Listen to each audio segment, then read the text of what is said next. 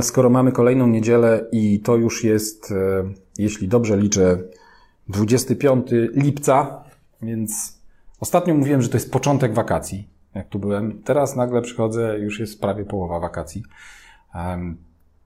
I e, tylko przypomnę, że dla nas to nie oznacza czystego wypoczynku i jak to niektórzy mówią, leżenia brzuchem do góry, chociaż dobrze jest poleżeć brzuchem do góry, wystawić brzuch do słońca czasem.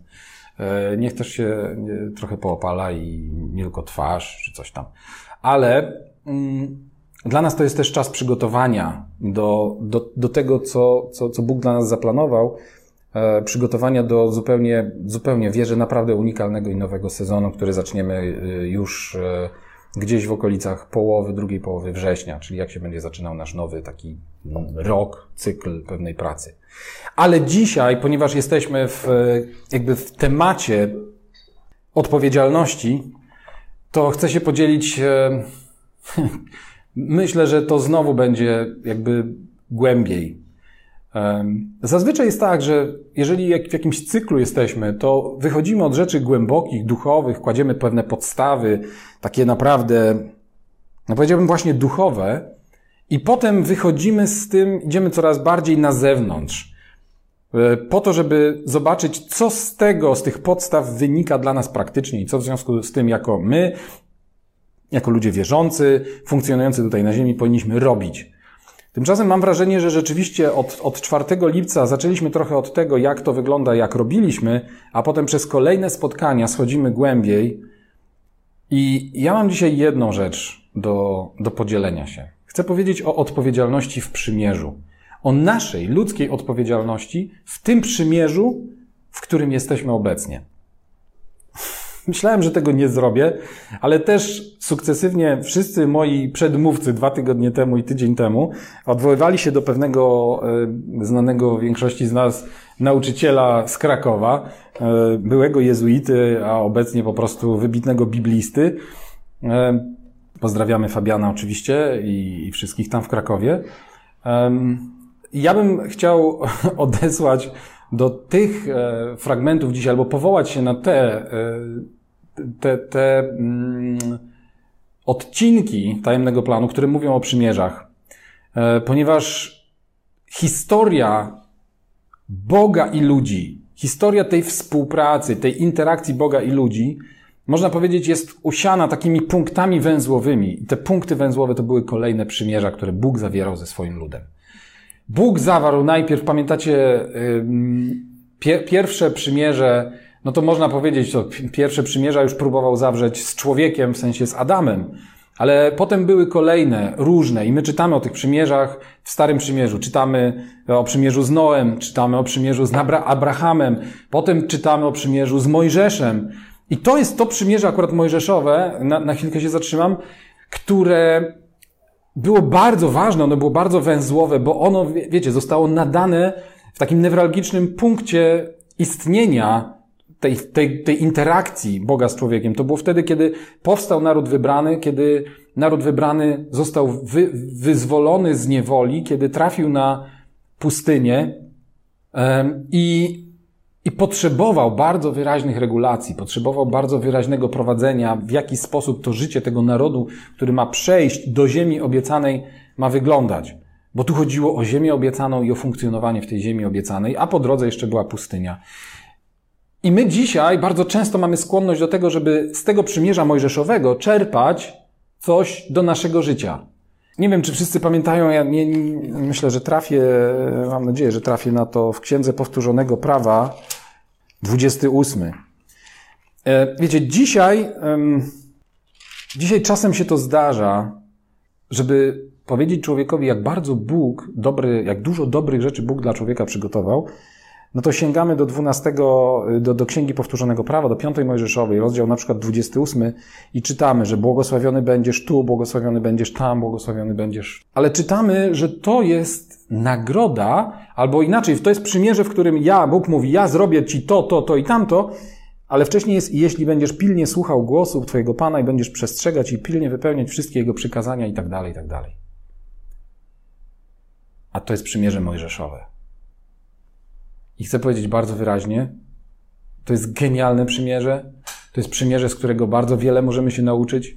To jest przymierze, które powinniśmy czytać. To jest przymierze, które powinniśmy znać. To jest przymierze, do którego często powinniśmy sięgać, żeby pewne rzeczy sobie wyjaśnić i zrozumieć. Ale uwaga, to nie jest nasze przymierze. To nie jest przymierze, pod którym my żyjemy dzisiaj.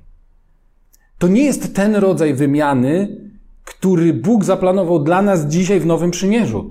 Dlatego, że na żyjącego Boga po drodze było jeszcze kilka innych przymierzy, chociażby bardzo ważne i bardzo wyraźne, takie przejściowe przymierze z Dawidem. Ale ostatecznie przymierze, w którym my żyjemy, zostało zawarte na górze Golgoty przez Jezusa, przez kapłana Najwyższego Przymierza. I teraz, wiecie, jeżeli ktoś ma jakieś wątpliwości w tym zakresie, to oczywiście odsyłam do przede wszystkim listu do Hebrajczyków, bo w liście do Hebrajczyków bardzo wyraźnie widzimy, jak Paweł, który jest autorem tego listu z największym prawdopodobieństwem, tłumaczy, na czym polega wyższość tego przymierza, przymierza Chrystusowego nad wszystkimi innymi przymierzami. I dlaczego było potrzebne nowe przymierze. Ale wiecie, no właśnie, nie, nie tyle o samym przymierzu chcę mówić dzisiaj, ile o naszej odpowiedzialności. Dlaczego mówiłem o tym mojżeszowym? Dlatego, że tam widzieliśmy, że odpowiedzialnością człowieka, odpowiedzialnością Izraela za realizację przymierza było co? Było pilne słuchanie głosu Pana, przestrzeganie i wypełnianie wszystkich Jego przykazań, no i tak dalej, i tak dalej. A ponieważ mówimy o przymierzu nowym, o przymierzu Jezusowym, to w tym przymierzu również jest, są jakieś odpowiedzialności. Jest jakaś odpowiedzialność po naszej stronie. Bóg w Chrystusie pojednał świat ze sobą i to Chrystus jest gwarantem tego przymierza. Bóg w tym przymierzu, żebyśmy o tym pamiętali, nie możemy o tym zapomnieć. Nie jesteśmy jakimiś pracownikami, wyrobnikami, nawet nie jesteśmy ludem wybranym. Jesteśmy Jego synami. Jesteśmy Jego synami. On nas usynowił, daje nam zwycięstwo, daje nam ochronę, gwarancję życia wiecznego z Nim w Jego królestwie. To jest Jego część, to jest Jego odpowiedzialność. I Jezus zrobił wszystko, co do Niego należało, żeby tak się stało. Żył jak żył, pokazał, jak należy żyć, ostatecznie poszedł na krzyż, nie bacząc na Jego hańbę, umarł w ciele, całkowicie, na śmierć, został pogrzebany w Jego martwe ciało, zostało pogrzebane w grobie. I po trzech dniach zmartwychwstał dokładnie tak, jak zapowiedział. I wszystko to, przez co przeszedł, jest naszym dziedzictwem. Ale teraz jest pytanie, gdzie jest nasza odpowiedzialność w tym przymierzu? Czego Bóg oczekuje od nas? Bo my oczywiście łatwo mówimy o tym, że to, co Bóg dla nas zrobił, jest dla nas za darmo, że łaska jest za darmo, że zbawienie jest za darmo, że usprawiedliwienie jest za darmo. No z tym zbawieniem to oczywiście znowu jest kwestia do, do dyskusji, do dalszego rozważenia. Usprawiedliwienie tak, jest za darmo. Ale kiedy my żyjemy z Bogiem w przymierzu, kiedy my żyjemy z Bogiem w przymierzu Chrystusowym, z Bogiem jako naszym Ojcem, co jest naszą odpowiedzialnością w tym przymierzu? Co jest naszym zadaniem, za które właśnie jesteśmy odpowiedzialni? I żeby to zrozumieć, wiecie, to, to oczywiście czym się dzielę dzisiaj, nie jest jakąś Chociaż to brzmi tak doktrynalnie, bo tu przymierza takie, takie, a teraz tutaj będzie coś nowego. I ja, ja się dzielę dzisiaj znowu jedną z możliwych opcji, ale wierzę, że dzisiaj dla nas bardzo ważną. I jest to coś, co jest dla nas, jako dla wspólnoty tej, dla, dla Kościoła Nowe Życie w Lublinie, być może dla Kościoła w Lublinie w ogóle. Um, i też dla wielu z tych, którzy w jakikolwiek sposób się z nami łączą i słuchają i, i są też na tej drodze razem z nami. Żeby to odkryć, to jest jedna rzecz, bardzo prosta. Żeby to odkryć, przeczytajmy kilka fragmentów um, i paradoksalnie najpierw przeczytajmy właśnie z Dawida. Dlatego powiedziałem, że to przymierze było takie trochę yy, z Dawidem było takie po pierwsze trochę nieoczywiste, ale po drugie bardzo takie pośrednie, ponieważ ono już ukierunkowywało na pewne zasady, które będą obowiązywać w tym przymierzu docelowym, w tym, w którym jesteśmy teraz. W psalmie 15, y, na początku psalmu 15, to jest psalm Dawida. Dawid modli się w ten sposób. Panie, kto będzie przebywał w Twoim przybytku? Kto zamieszka na Twojej świętej górze? Hmm? Już brzmi trochę jak zapowiedź przymierza, no bo o co chodzi? Czyż nie o to chodzi właśnie, żeby mieszkać z Bogiem? I werset drugi mówi, ten, kto postępuje nienagannie, czyni sprawiedliwość, a w swoim sercu mówi prawdę. A w swoim sercu mówi prawdę. W Psalmie 51, to jeżeli ktoś by chciał sobie to ułożyć, to tutaj był 15, tam 51. To taka, wiecie. Jest, jest e, w Księdze Psalmów kilka takich, no, nie wiem jak to powiedzieć, takich, takich, takich zależności, takich zbieżności, takich, nie chcę powiedzieć, że bo to nie jest chiazm, ale tak samo jest z psalmem 37 i 73.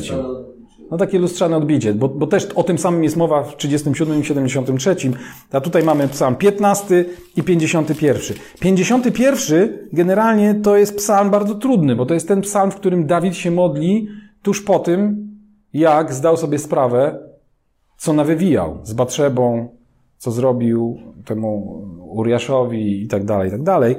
Ale w tym 51 psalmie jest werset ósmy i ten werset ósmy, nie ósmy, to dziwne, bo to jest szósty. Mam w notatkach, że ósmy, a to jest szósty. I szósty werset mówi tak. Oto miłujesz prawdę wewnętrzną i w głębi serca dasz mi poznać mądrość. W Biblii Warszawskiej czytamy: Oto miłujesz prawdę chowaną na dnie duszy i objawiasz mi mądrość ukrytą. Oto miłujesz prawdę chowaną na dnie duszy.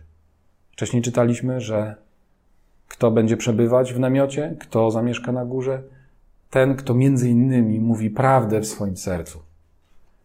Dlaczego to jest takie ważne? Dlaczego ta prawda ukryta na dnie duszy powinna być przez nas, po pierwsze, w jakiś sposób uświadomiona, ale z drugiej strony odkryta przed Bogiem. Dlaczego jest tak, że Bóg kocha prawdę o naszej duszy, jaka by ona nie była? Wiecie, ja wierzę, że dzisiaj to słowo może kogoś z wierzących do czegoś uwolni, a może uwolni kogoś jeszcze niewierzącego, albo kogoś, kto myślał do tej pory, że jest wierzący i całe życie do tej pory spędzał na pastowaniu i pudrowaniu swojego życia i na próbie poukładania go o własnych siłach po to, żeby móc Bogu pokazać, no co pokazać? No, no właśnie swoje życie takie, takie trochę, takie trochę podrasowane, takie, takie uporządkowane. Wiecie, zresztą, tak jak tu nawet siedzimy, to przypomnijcie sobie, czy czasem my też nie mieliśmy czegoś takiego kiedyś, że tak powiem, za starego życia.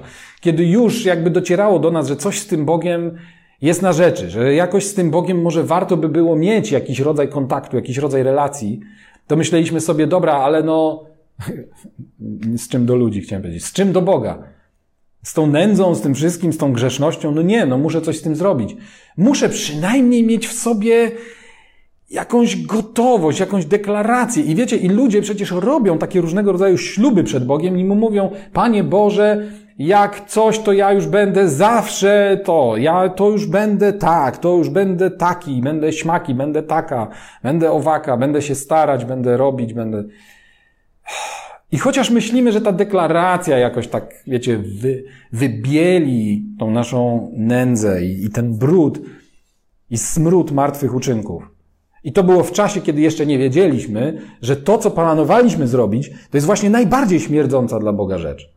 To jest właśnie zrobić martwe uczynki, które nie mają nic wspólnego z Jego planem i z Jego wolą, a mają bardzo dużo wspólnego z naszym wyobrażeniem na temat tego, jak wyglądać powinno dobre życie, i my to, co dla Boga jest najgorszym smrodem, chcieliśmy tym się umazać, powlec i tak mu pokazać. No żałosne. Ale wtedy tego nie wiedzieliśmy. A teraz wiemy, że jedyne, czego Bóg oczekuje tak naprawdę w Nowym Przymierzu, czego oczekuje od nas i, i, i co chce, żebyśmy tego pilnowali. Dlaczego ja o tym mówię jako odpowiedzialności, a nie jako jednorazowym akcie? Dlatego, że odpowiedzialność polega na pewnym stanie ciągłym albo na wręcz na pewnym procesie. To nie jest tak, że raz powiesz Bogu, zobacz moje serce, Zobacz tą nędzę, wejdź tam, przyjdź, uzdrów, zrób porządek. Zrobione, załatwione. Dopóki żyjesz na ziemi ty, dopóki żyje na ziemi ja, dopóki każdy z nas jest tutaj, to pozostaje naszą stałą odpowiedzialnością. Stałą odpowiedzialnością stawać przed nim i udostępniać mu swoje serce.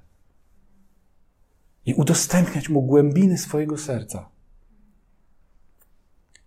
Wiecie, bo dlaczego to jest takie kluczowe? Dlatego, że prawdziwa wolność Jezus, w Jezusie Bóg powołał nas do wolności i my myślimy o wolności, wiecie, a komuniści, a PiS, a tam coś. Nie, prawdziwa wolność lub niewola jest tu. I Bóg zaplanował dla nas wolność i dlatego, że ta wolność pochodzi z serca i jest wolnością, on, on, tylko On ją może dać, bo to jest wolność od naszych własnych ograniczeń. To jest wolność od naszych lęków, to jest wolność od zgorzknienia, to jest wolność od nienawiści, od, od narzekania, od rozczarowania sobą samym, od rozczarowania innymi. Wiecie, my myślimy, że jak staniemy przed Bogiem i zaczniemy Mu biadolić i użalać, że Boże, jaki ja jestem nędzny, ja nie wiem, jak Ty ze mną wytrzymujesz. Ja tak mówię, bo ja tak mówię czasami, więc wiecie, ja nie wiem, jak to w ogóle możliwe, że ty chcesz się ze mną dalej zadawać i tak dalej, i tak dalej. I my myślimy, że Bóg wtedy przyjdzie i powie, o tak, no nie, no wiesz, nie jest może tak źle, no zobacz, no, no, no okej, okay, no ja rozumiem, masz prawo tak myśleć o sobie, ale coś tam, wiesz. A Bóg chce po prostu nas uwolnić od takiego sposobu myślenia. Bóg chce wykorzenić z naszego serca tego rodzaju, między innymi tego rodzaju myślenie, między innymi wszelkiego rodzaju wstyd, między innymi wszelkiego rodzaju lęk. Myślę, że to jest dobry moment, że powiem Wam o takim swoim doświadczeniu w formie krótkiego świadectwa. Może dobrze by było, żeby czasem mm, to też jest e, owoc tego, że co, co dwa tygodnie temu Sławek mówił i naprawdę bardzo Ci jestem za to wdzięczny, bo to było bardzo osobiste i myślę sobie, że czasem wpleść coś takiego osobistego też jest dobrą rzeczą. E, wiecie, pojechaliśmy na, na te cudowne czasy, do których się długo przygotowywaliśmy. Wiecie, pojechać gdzieś za granicę w obecnym czasie nie jest, nie jest łatwo, e, a jeszcze zgrać, tak jak myśmy byli, wiecie, w trzy rodziny, e, znaczy jedna duża rodzina, no ale jakby w trzy jednostki rodzinne, trzeba to było wszystko skoordynować.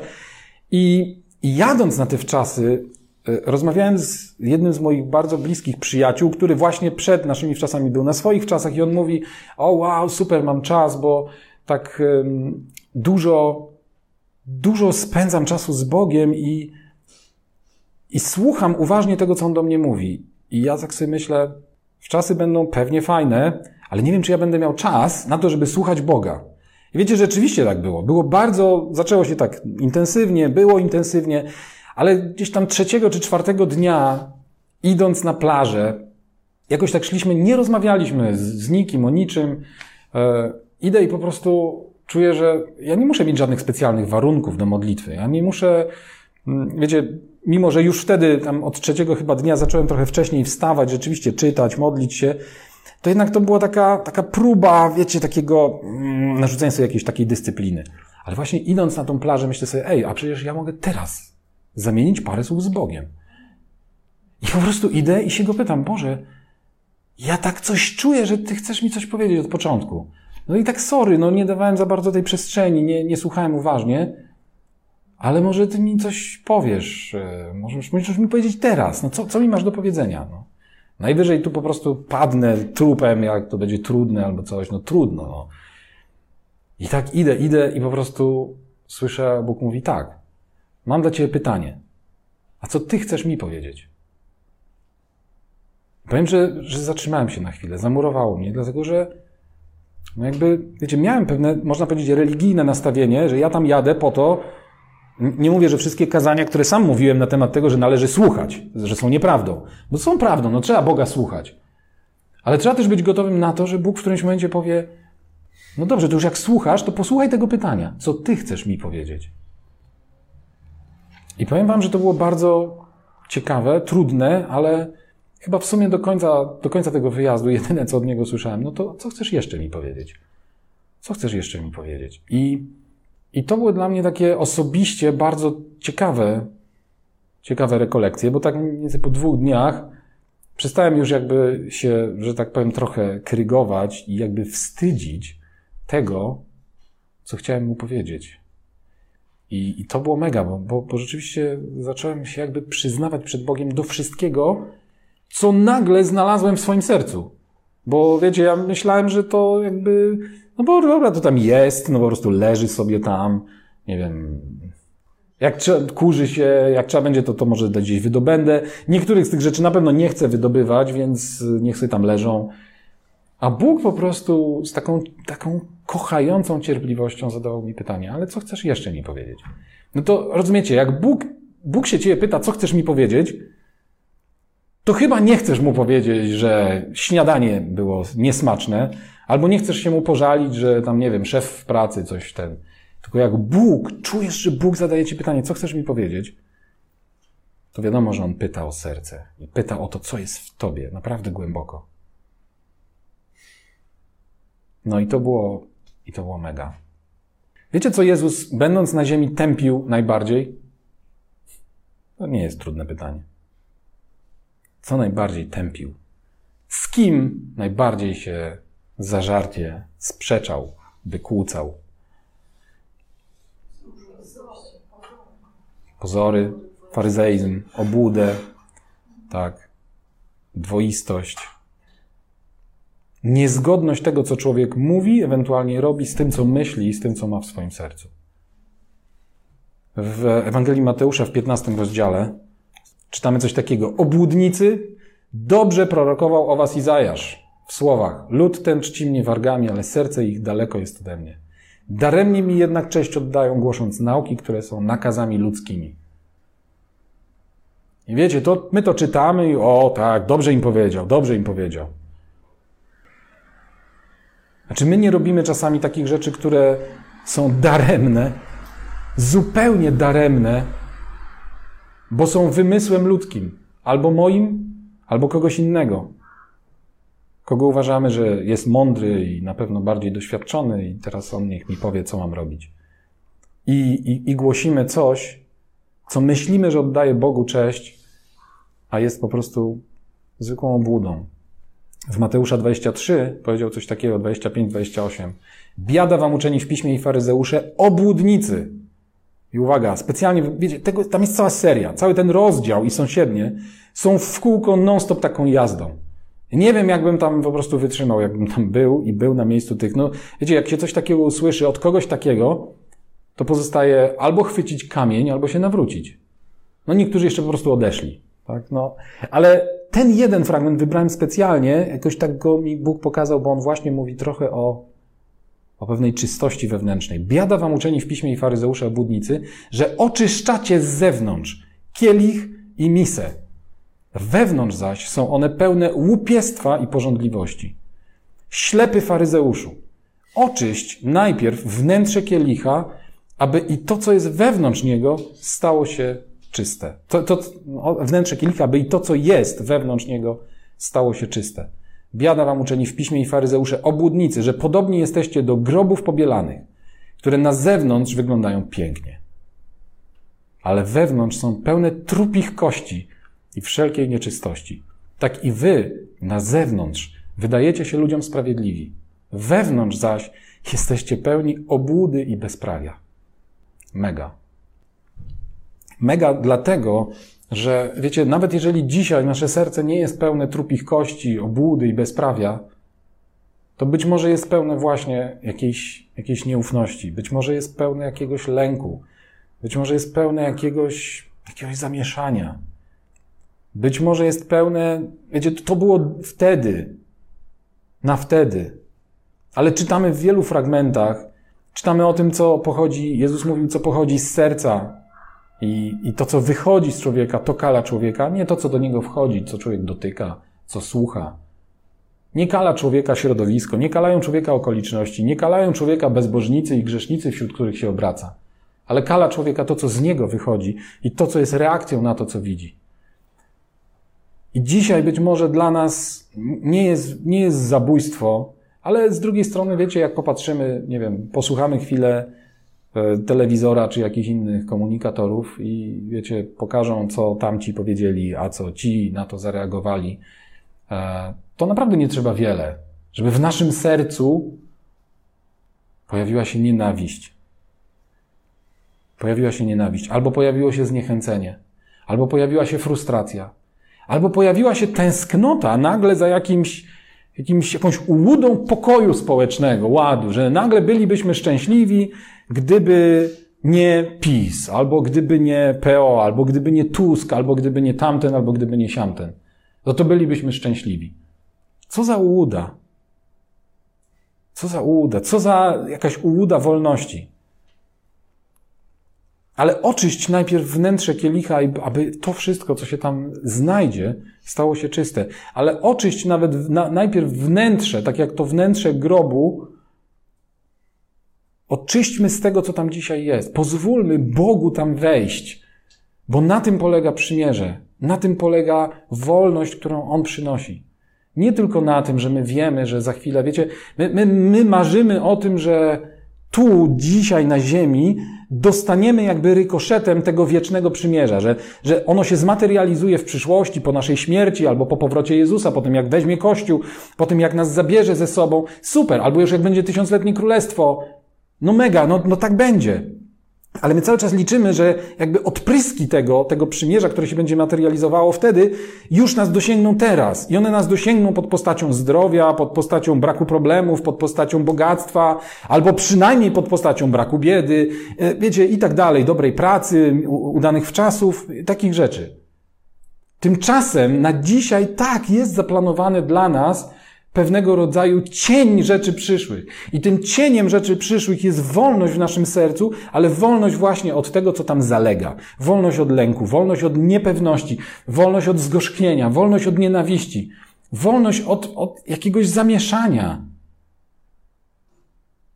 To jest to, co dzisiaj Bóg przygotował i co On dzisiaj będzie realizował w ramach tego przymierza, które z Nim jest, pod warunkiem, że my będziemy wypełniać naszą odpowiedzialność, że będziemy mu udostępniać swoje serce, że będziemy gotowi stawać przed nim każdego dnia, codziennie i po prostu pokazywać, co tam jest i pozwalać mu wejść. Ciekawe jest to, że wiecie, Jezus na przykład okazywał, zwróćcie uwagę, okazywał zaufanie ludziom. No, on dziwne rzeczy robił czasami, tak? Można powiedzieć, nie, nie ufał faryzeuszom, wykłócał się z nimi, ale znalazł się czasem ktoś, do kogo poszedł. Jak to się działo? Jak Jezus wybierał? Albo już nie mówię tam, że poszedł do jakiegoś grzesznika, albo, no ale poszedł do jakiegoś, do jakiegoś celnika, tak? Poszedł i nie miał problemu z tym, że jakaś prostytutka go tam dotyka i gdzieś tam, tam nie wiem, głaszcze albo coś mu robi. No po prostu rzeczy trudne takie dzisiaj do pomyślenia i wtedy no też były trudne, a jednak on nie miał z tym żadnego problemu. Jezus miał zaufanie do ludzi w oparciu o to, co widział w ich sercach, a nie w oparciu o to nawet, co mówili, albo wręcz co robili, albo z czego byli znani. W Ewangelii Jana, drugi rozdział 23-25, y, zapamiętajmy to sobie, bo to jest takie nieoczywiste miejsce. To jest, to jest no ale tam jest, tam jest ten fragment. Tam jest napisane, a gdy był w Jerozolimie na święcie Paschy, Wielu uwierzyło w imię Jego, widząc cuda, których dokonywał. I to jest to zdanie. Ale sam Jezus nie miał do nich zaufania. Wielu uwierzyło w Niego. Wielu szło za nim i mówiło, hej, to, to ja już teraz idę za Tobą. To jest, to jest ten cudotwórca. To, to już są znaki, które muszą towarzyszyć Zbawicielowi. Ale Jezus nie miał do nich zaufania, bo przejrzał wszystkich. I od nikogo nie potrzebował świadectwa o człowieku, sam bowiem wiedział, co było w człowieku. Sam bowiem wiedział, co było w człowieku. Więc jak będziemy czytać kiedyś jeszcze jakieś Ewangelie i będziemy patrzeć, jak Jezus mógł to zrobić czy tamto, hmm, widocznie no, coś chciał przez to powiedzieć albo coś chciał pokazać. A może nie chciał nic pokazać, może po prostu wybierał tych, do których miał zaufanie i oddzielał od tych, do których nie miał zaufania. Dlaczego? Bo wiedział, co było w ich sercach. Czy jest możliwe, że Jezus miał zaufanie do prostytutki, miał zaufanie do celnika, do jakiegoś poborcy podatkowego? Why not? Wiedział, co było w sercu. Wiedział, co było w sercu. Recepta jest prosta. Jak troszczyć się o swoje serce? Po prostu otwierać je przed Panem. Pozwolić Mu tam wejść i zrobić w nim Jego porządek. Ale co jest ważne? Żeby potem zrobić to znowu. I znowu, i znowu, i znowu, i tak długo, jak długo będzie trzeba. I tak długo prawdopodobnie, aż On po nas przyjdzie i nas zabierze. To jest nasza odpowiedzialność w ramach nowego przymierza z Panem. Amen? Myślę, że nie należy już nic więcej do tego dodawać, także dziękuję wszystkim, którzy byli z nami dzisiaj e, na tej transmisji. Widzimy się za tydzień znowu. Miejcie super niedzielę, super tydzień, gdziekolwiek kto jest. Szczególnie jeżeli ktoś wypoczywa, szczególnie jeżeli ktoś um, chce po prostu się zresetować, zregenerować, to, to mam taki apel. Nie uciekaj od swojego serca i nie uciekaj przed Bogiem, jeżeli pytacie, co chcesz mi powiedzieć. Bo może właśnie chcę, żebyś powiedział o czymś, o czym nigdy mu nie mówiłeś, albo o czymś, co nie chciałbyś, żeby ujrzało światło dzienne. Z nim spokojnie możemy o tym rozmawiać, o wszystkim możemy rozmawiać. To jest istota naszego przymierza z nim. Bądźcie błogosławieni, miejcie się dobrze i do zobaczenia następnym razem.